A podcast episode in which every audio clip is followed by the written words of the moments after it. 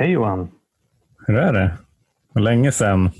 Ja, det är bra. Eh, det känns jättefint att få se dig så här i Alkispodd-studion. Ja, verkligen. Vår våran gemensamma studio på distans.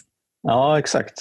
Så att um, ja, men det känns, um, det känns lite nervöst och pirrigt att sätta igång igen faktiskt. Ja, vi ser. Det är inte bara jag. Ja. Alltså.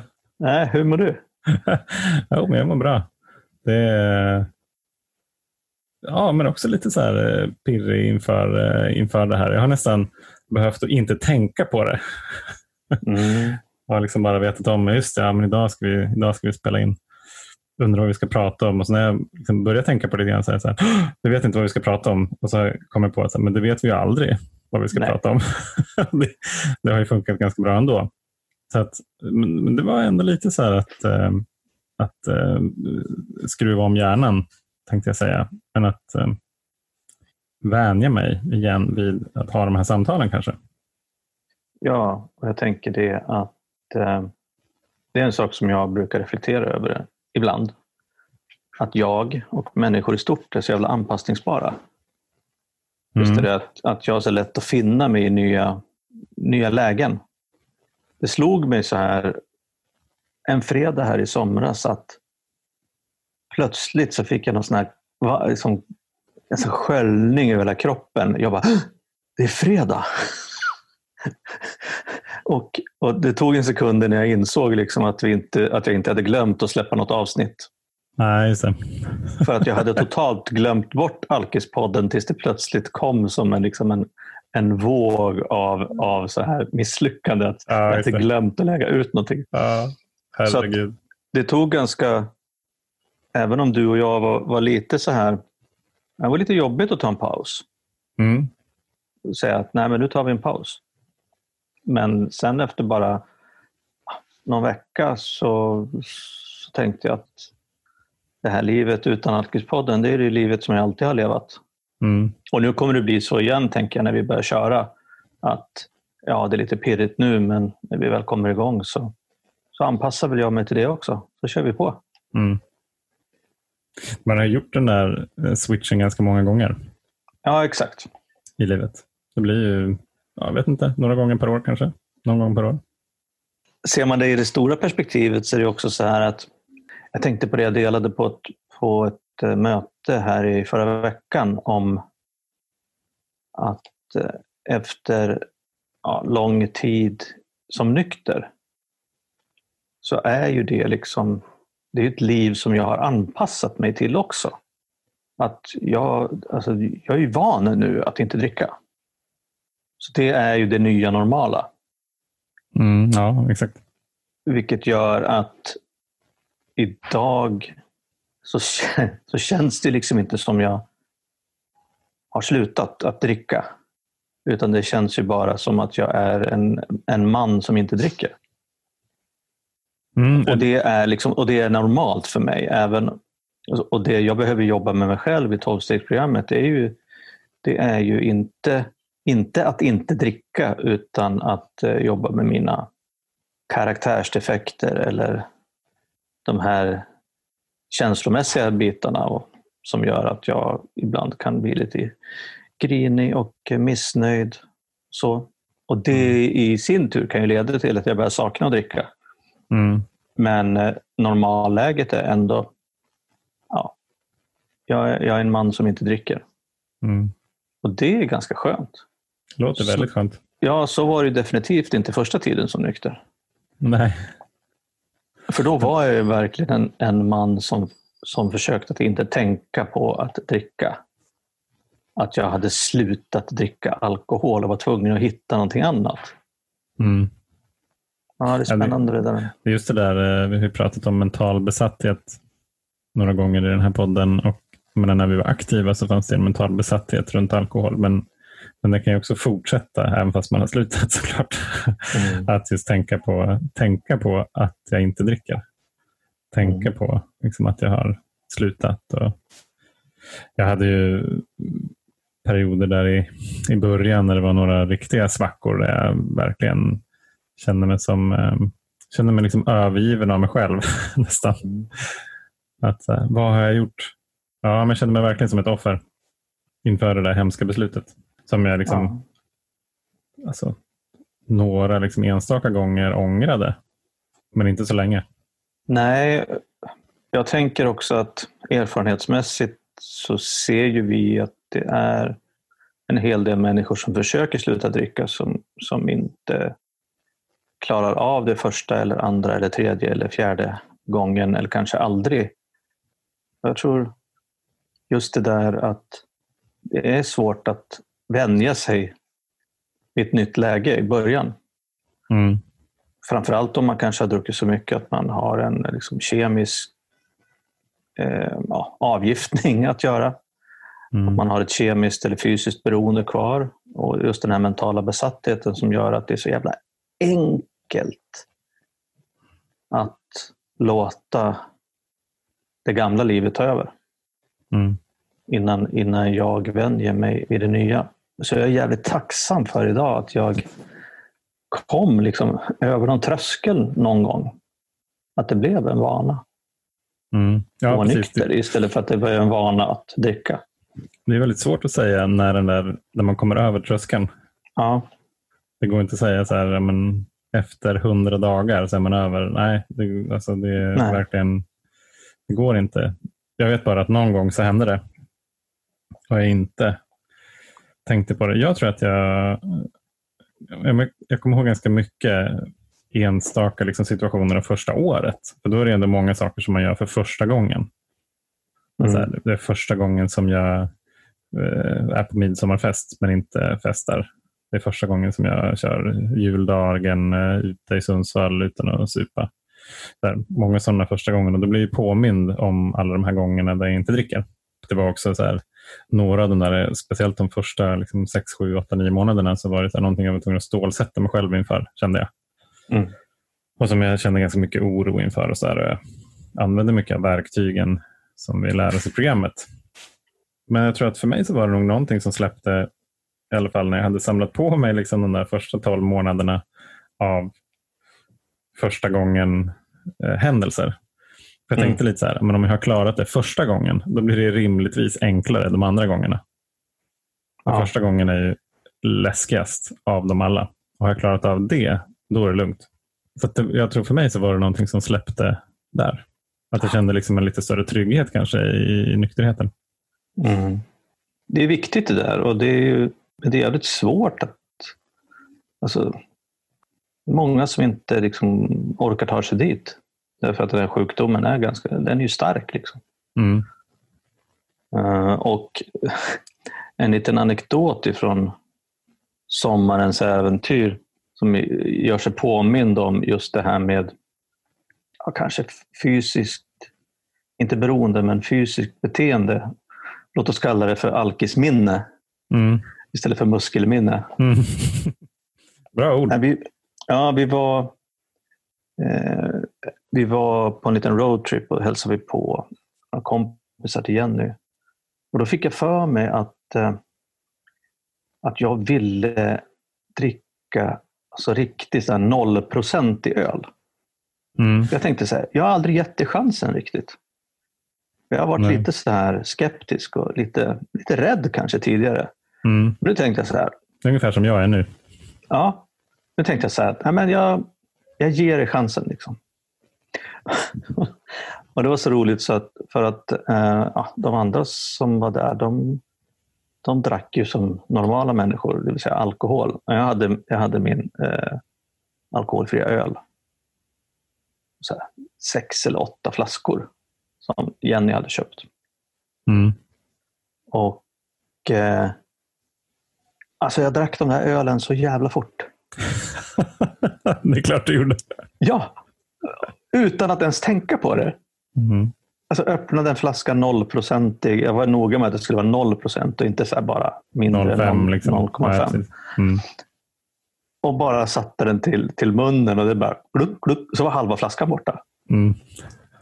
Och sen så, sen så, så drack jag, så var jag tvungen att hämta en ny. Liksom så här. Ja. Och, det, och det blev så här, jag kände... Och jag tänkte så här, det, det, var, ju- det är ju ingen alkohol i så det här är ju, det här är ju liksom ett okej beteende.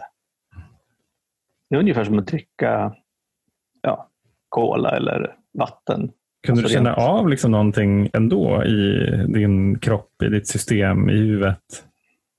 Nej. Alltså, förutom smaken då, det smakar ju öl, Mm. så kändes det liksom ingenting. Jag tror att det var mer liksom själva det mekaniska i att dricka Mm. öl. Ja, just det. Som Själva- jag, fick liksom, jag gick inte igång på det på, på, något, på det sättet. Men, så jag drack, inte alla sex flaskor kanske, men, men fyra gans, i ganska rask takt, takt. Och sen så ville jag köpa mer öl dagen efter. Mm. Var du på efterfest? Nej, det, nej, det var jag inte. Och sen så, så gjorde jag det några gånger. Gick ner på ICA här och kollade vad har de för 0 i sortiment och liksom lite så här, du vet. Ja, men testa lite olika sorter, olika smaker och sådär. Har har du haft ölprovning? Uh, ja, men jag kan väl säga det, alltså, för jag har ju i princip har jag, har jag provat alla de 0 som jag hittat. Mm. Det är alltid från Weissby till IPA och lager. Mm. Och, och det där pågick liksom under en vecka kanske. Även när vi hade kommit hem. Att jag liksom ville dricka öl. Men sen bara slutade Var, var det någonting som hände? Eller? Nej, det var väl bara det att jag tappade intresset. Därför att Mm. det gav ju ingenting annat Nej. än just smaken av öl. Mm. Så då blev det, liksom, då blev det ganska ointressant. Och, och jag vet inte om det kan vara så att kroppen på något vis kroppen går igång av ölsmaken och tänker att nu är vi på banan igen. Mm. Eller hjärnan. Mm. Men sen så händer liksom inte det, det som man förväntar sig. Alltså det blir ingen, inget rus, inget, inget liksom, eh, ingen alkohol i blodet. Så då kanske kroppen och hjärnan liksom bara äh, tappar intresset. Mm. Det här var meningslöst. Det här, behöver vi liksom, det här behöver vi inte lägga energi på att få i oss. Nej. Så att det kan han få ha liksom, eller mista. Var Vi bryr oss inte om det här.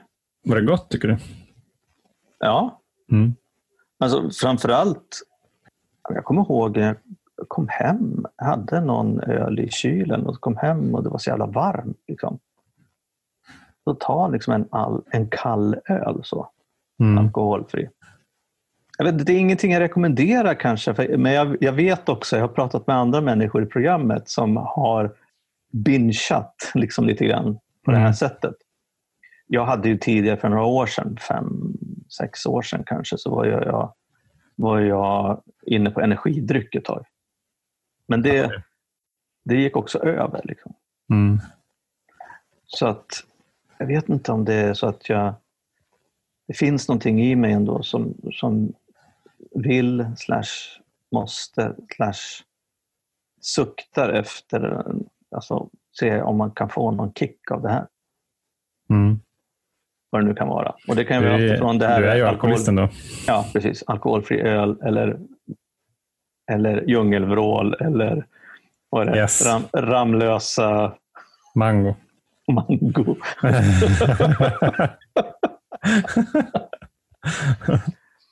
Men, det var, det var, och jag tycker så här, så här nu, nu känns det, alltså det känns safe. Jag tycker det är viktigt att prata om det. Därför att det är lite läskigt på ett sätt. Å, Mm. å ena sidan. Å andra sidan så är det ju liksom själva beteendet eller intaget är ju ofarligt. Det är ju bara det att det skulle trigga någonting. Att det skulle Ja, gå igång. Liksom på, Det är det jag är rädd för. Ja, Att jag ska så här, så här, väcka till liv någon mental besatthet och ett fysiskt sug. ja. Det är det som... Jag kommer ihåg, undrar om jag har... Nej, men det har nog varit så här. Alltså någon gång där det har serverats eh, alkoholfritt bubbel. Mm. Så har jag liksom, ja, men tagit ett glas av det och så kollat så här, så, så ja, men 0,0. Men då har det ändå, när jag liksom fått i mig den, här, den första klunken, så känns det som att det så här, ding, så har det slagit till i hjärnan bara av smaken. Mm. Att det finns något alkisminne där som bara, oh, du, det här, det här känns bra. Ja. Eh, och då har jag bara, nej, jag kan inte dricka det här. Nej. Det går inte. Jag, jag vet att det kanske är ologiskt och irrationellt, men det är någonting som händer i mig ja. som gör att liksom, jag blir rädd för att jag ska sätta igång någonting som jag kanske inte kan stoppa. Ja, det är väl, det är väl bra att det är så. Och jag ska inte skylla på att jag varit nykter över 12 år och säga att det är safe. För Det tror jag inte spelar så stor roll länge Nej. man varit nykter. Nej, precis. Nu känner jag mig ganska nöjd ändå. Jag är jävligt glad liksom att jag bara utan att tänka på det ens slutade tänka på det. Ja, just det. ja men det är skönt ju. Ja. Och vet liksom att ja, det kanske kan hända igen. Men, men det, det är ju också en slippery slope att gå på det här. Och liksom, det är ungefär som att, vi har pratat om det här förut, att vegetarisk mat ska liknas vid eh, någon typ av köttmotsvarighet. Mm. Exakt. Det ska vara alltså, vegetariska fiskpinnar eller vegetariska kycklingnuggets eller vegetariska mm. hamburgare. Jag behöver inte dricka alkoholfria alternativ. Jag kan ju dricka vad som Nej. helst. Nej, precis. Vi hade en fråga om det faktiskt. Ja, det fick vi in under eh, sommaren. Ja, i somras. Jag, jag, kan inte påstå att det var därför jag testade. Jag tror, att, jag, tror att den, jag tror att den kom faktiskt där efteråt. Men jag tycker väl generellt sett att, eh, eller generellt sett, jag ska inte generalisera då, men jag har ju valt att vara, att vara försiktig under lång, lång tid kring, mm. kring eh, alkoholfri öl. Ja, ehm. precis. Jag kommer att jag fick det av min terapeut redan från början. Eh, som en, ett råd av honom. Och så här, ja, och bara så du vet ungefär så, så dricker vi inte alkoholfri öl heller. Och Jag tyckte att det var ganska skönt att få det av honom. Jag så här, opponerade mig inte speciellt mycket. Då, då tänkte jag så här, nej varför skulle jag dricka det? Det är ju helt meningslöst, tänkte jag då. Och Sen så har det bara blivit en vana att jag inte gör det. Och Det gör det mycket lättare, tycker jag. Ja. Eh, men som igår var vi ute med jobbet och käkade och eh, gänget beställde in vin och sådär. Och så är det jag och eh, jag som inte dricker då och så en annan tjej i teamet som kör bil. Så hon dricker inte heller. Och eh, för mig att hon tar in en alkoholfri öl och då liksom frågar jag, men vill du också ha en alkoholfri öl? Och det hade varit så lätt att säga, ja men jag tar också en alkoholfri öl så länge den är alkoholfri. Men sen vet jag inte, så här, vissa är 0,1 och 0,3 mm. och så, här, så klassas de som alkoholfria. Och det där är jag så jäkla nojig över faktiskt. Mm. Och det är så här, nej, men jag dricker inte någonting som har att göra med, med liksom det som har varit alkohol heller. Uh, så det, det, är bara för att hålla det enkelt för mig själv. Ja, det är väl en bra riktlinje tycker jag. Ja, men samtidigt så vet jag ju så här, många, många i gemenskapen som, uh, som dricker alkoholfri öl och verkar vara helt okej okay med det. Så det, det finns inga sådana jag tror att en, en, fråga var så här, om det fanns några liksom, riktlinjer eller så liksom, kring det, men det finns det inte. Alltså, så länge man inte dricker alkohol så är det bra. Men jag personligen tycker att det blir mycket lättare. Men det är ju spännande det där. Alltså, jag tänkte på, vi, vi snackade lite grann om det här med eh, förväntningar innan mm. vi började spela in. Spela in.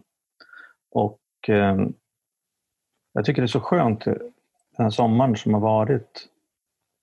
Eh, alltså förutom allt elände så runt omkring liksom i Sverige och världen så så har jag, eh, tycker jag, att min sommar har varit jävligt bra. Just därför att jag redan ganska tidigt i, ja, men i våras alltså hade, ställde om till att ha väldigt låga förväntningar kring eh, hur sommaren skulle bli. Så att jag, vi har varit hemma och, och varit runt en vecka på en roadtrip eh, hängt, varit ute liksom mycket och gått med hunden och promenerat och badat oss där runt om här där vi bor. Och jag har för första gången på många, många år liksom lyckats släppa jobbet helt. Åtminstone kanske två veckor på raken utan att ens svara på ett mejl eller Eller Det är ganska stort tycker jag. Ja, det är fan... Eh... Och jag tror att, att också Alkispodden hade sommarlov. Mm. Gjorde sitt till. Att det liksom har varit helt, har varit helt fri från jobb och förpliktelser utanför liksom familj och vänner och sådär. Och det har varit jävligt skönt. Jag känner Mm. mig känner mig eh, känns som att det har varit en eh, härlig semester. Hur eh, har din och er sommar varit? Men den har varit fin. Den har ju varit annorlunda. En grej som jag tänkte på när du, när du sa det. Alltså egentligen så är det ganska märkligt att, alltså jag gör det här också, men att jag någonstans att jag sätter ett likhetstecken mellan så här, storleken på upplevelsen och eh, hur långt den ligger mitt hem. Hur långt ifrån den ligger hemmet. alltså, wow, du åkte till, till Japan. Oh, shit, vilken, eh, vilken fantastisk grej. Eller du åkte till USA eller Australien eller Nya Zeeland. Och så här. Ja. Och Men du så åkte till Europa- Bagarmossen. Ja, så här, Europa. Men det är liksom inte, ja, det är väl kul, liksom, kommer utanför Skandinavien, men det är inte så liksom, samma upplevelse. Och liksom, Skandinavien, mm. Och sen så, så, här, ja, så, här, och så blir det liksom mindre och mindre. Men det har egentligen ingenting med varandra att göra. Nej. Alltså det säger ingenting. Det var någonting som jag och Josefina pratade väldigt mycket om på vår smekmånad, kommer jag ihåg. Att här, det spelar ingen roll om vi sitter vid en jättehärlig strand med en fantastisk solnedgång om, liksom, om vi dels inte är där och är närvarande och om, om liksom våra tillstånd är dåligt. Mm. Att så här, känner mig sur och grinig eller trött och vresig och liksom vi eh, har något så här, eh, någon, någon konflikt som ligger och pyr. Då är inte den där liksom, solnedgången så jävla fin och mer. Alltså, jag säger, skiter väl i den. Och, och jag tror att jag, det var ganska skönt att den här sommaren verkligen få ett kvitto på det. Mm. Här, det är så. Det går, det går att ha så här, surprise, surprise, jättefina upplevelser eh, trots att eh, vi semestrar hemma i Sverige. Och eh, Det ger ju en väldig frihet, tänker jag. Då är det ju faktiskt bara upp till mig vilka upplevelser jag vill ha. Det är så roligt. Ja, precis. Men det är så roligt när du, när du pratar om det där. För det, det, det är ju liksom en jättebra metafor för eh, att använda alkohol eller vara nykter. Alltså ju längre ifrån mig själv jag kommer med hjälp av alkohol, desto större upp- upplevelser har jag. Mm. Om jag är nykter och är med mig själv så skulle det inte vara värt lika mycket. Och det Nej, har ju precis. vi fått liksom upptäcka att eh, det är inte så. Mm. Nej, exakt. Utan tvärtom. Det kan vara som att man i och, med att, i och med att jag är närvarande och är med mig själv så får jag mycket kan jag få mycket finare upplevelser. Mm. Ja, precis. Va- Vara liksom närvarande i nuet. Och jag är inte lika beroende av liksom, något externt som händer. Nej. Eh, eller vart jag är någonstans eller exakt vilka som är där eller någonting. Utan nej, jag kan eh, som skapa, eller skapa förutsättningar i alla fall Ja. eh, för det själv. Nej, men så, så för att svara på din fråga, så det var en ganska annorlunda sommar. Jag jobbade, eh, stressade lite för mycket innan sommaren. Eh, som var en kombination av eh, leda ett bolag genom en coronakris och eh, försöka vara pappaledig varannan vecka. Och eh, sen så tänka, ah, det är snart semester så nu kör vi ända in i kaklet. Det, var, det tog faktiskt mer på mig än vad jag trodde att det skulle göra. Så jag har haft ganska svårt att varva ner under sommaren. Jag har liksom inte känt mig så glad faktiskt. Det var, det var helt okej. Det var nästan så här förväntat de första, den första veckan. Men sen efter ett tag så blev jag liksom mer, mer och mer orolig över det där. När, så här, när oron över att ska det alltid vara så här nu? Eh, som om alla andra känslor som jag någonsin har känt liksom inte har förändrats. Vilket de ju har uppenbarligen. Men, men när man är, när jag är i det där och det känns ganska så nedstämt och ångestfyllt och så här, har ett tryck över bröstet, då känns det inte så kul. och det som hjälper såklart är ju att prata om det. Mm. Det är också surprise på den. Mm. Att prata med, eh, med min fru och jag pratar med min chef, jag pratar med vänner i gemenskapen och min terapeut och så här. Och, och, eh, det, som av en händelse så liksom släpper mycket av det där bara jag får eh, inte behöva vara själv med det. Att så här, ja, det är okej okay att känna så här. Det är inte bra att du känner så, men det är okej okay att känna så. Det kanske inte är konstigt att du gör det. och Sen så handlar det om vad behöver jag ta ansvar för för att inte känna så? Mm. Till exempel, här, det är nästan alltid ta mig fan att sätta gränser. Det är så jävla typiskt. Mm. Uh, sätta kärleksfulla gränser för mig själv. Det är det som, uh, jag kan inte skylla på någon annan. Det är liksom ingen annan som har tvingat mig att göra någonting. Det är jag som har gjort det. Så att det handlar uh, mycket om att dels sätta gränser för de här veckorna som jag är hemma med Elma och sen så hur mycket jag jobbar och vad jag, vad jag gör förutom jobbet. Där, för att få lite tid till vila, återhämtning och reflektion. Jag ser fram emot det faktiskt. Jag, det är väl någonting som jag har fått med mig och lärt i nykterheten. Att så här, de här tuffa perioderna som vi går igenom, de är så jävla lärorika. För att de till slut så leder de till en förändring. Mm. Som, som, man liksom, som i alla fall till en början, eh, jag skulle gärna vilja säga så här, då har jag förändrats för evigt, men det vet jag också att det inte är sant. Men, men att så här, den förändringen som jag gör nu till exempel, där jag eh, kollar mer liksom på hur mina veckor ser ut, den kommer ju vara i alla fall beständig under hösten. Sen så efter ett tag så vet jag att det där kommer liksom falla i glömska. Och så här. Men, men just nu så blir det en ganska radikal förändring. Jag håller koll på hur mycket tid spenderar jag varje dag på sociala medier till exempel. Det har jag knappt vågat kolla på förut. Eh, det är en ganska stor eh, vila och återhämtningstjuv för mig. Mm. Så det är, så här, det är spännande att bli medveten om vad fan jag håller på med. Men det är eh, Ja, jag säga, grattis och lycka till med förändringen. Ja, tack. Men, det, det, är också fascinerande, det är också fascinerande att, att det måste göra ont. Liksom, ja, jag vet. In, innan... Äh, jag kan inte fatta det själv. Liksom. Nej. nej. Och det är väl det med konsekvenser. Mm, alltså, om konsekvenserna blir tillräckligt äh, svåra eller stora så, så är jag, du, vi villiga liksom, att göra en förändring. Mm. Ja, men, och det, det är ju liksom, vi har pratat om det med förändringsbenägenhet tidigare. Och det säger någonting om min egen förändringsbenägenhet när jag så här, måste bli eh, deppig, nedstämd, ha ångest och trycka över bröstet för att liksom göra en förändring.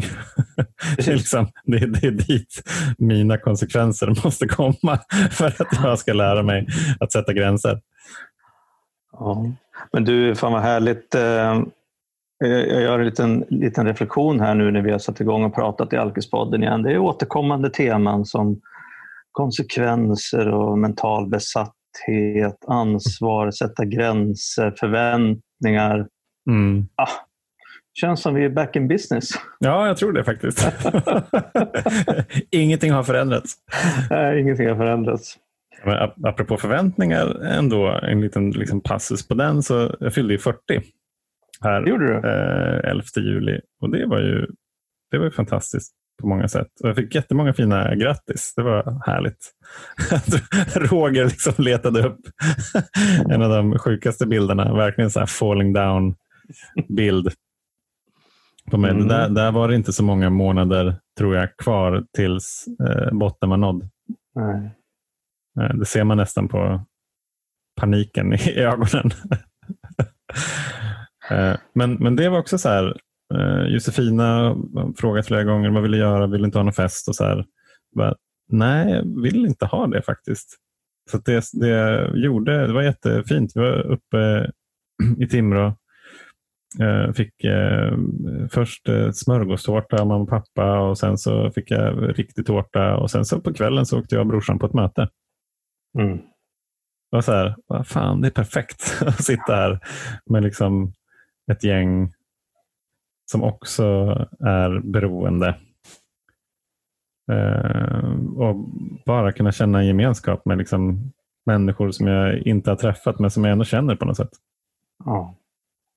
Och tycka liksom att så här, jag menar, om jag hade jag tror jag delade om det då också på mötet. Men så här, om, jag hade, om jag hade sett fem år fram i tiden från min 35-årsfest och sett att om fem år när du fyller 40 då kommer du sitta i en källare i Timrå eh, klockan som sju på lördag kväll på din 40-årsdag eh, och vara på ett möte.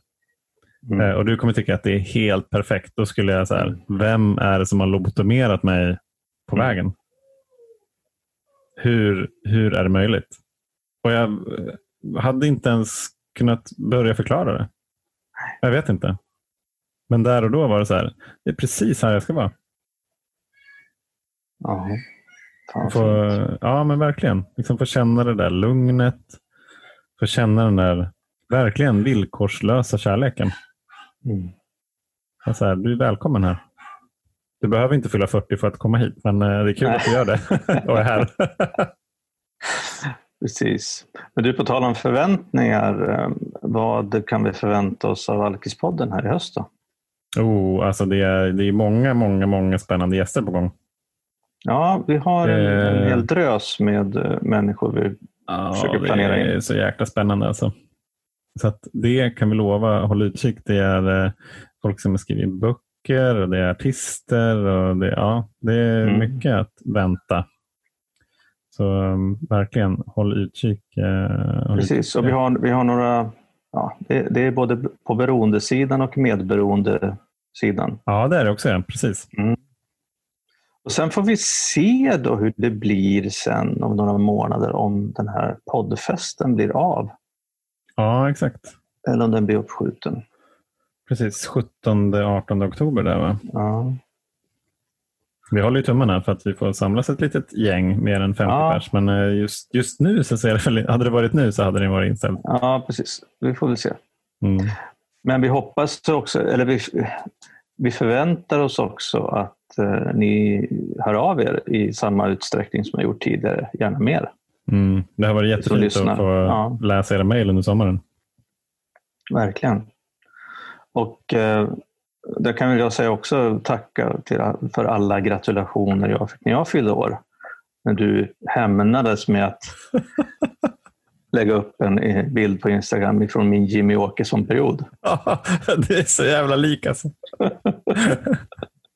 ser ut som en, en, ja, en, en spritfet Jimmy Åkesson. Ser det ut som. Ja, och då pratar vi inte åsikter utan rent utseendemässigt. Nej, rent utseendemässigt. Exakt. Det är jättelikt. Herregud, det var tider det. Mm. The good old days tänkte jag säga. Ja, jag vet, det finns, det finns det är tagen på en firmafest vi hade, den där bilden. Och det finns också gruppbilder. och så här. Folk Mm. ser ju för jävliga ut. Det är inte bara jag. Andra normala människor. Som, alltså, jag tänker så här, det ser ut som så här 90-tals grunge allihop. Men det Mm. måste ju vara typ så här 2004, 2005 eller något. det är det som är så jobbigt. Ja, det är det som är så jobbigt. Ja. Ja, ja. Men du, vi ser väl fram emot att eh, släppa en eh, spännande gäst redan nästa vecka, eller hur?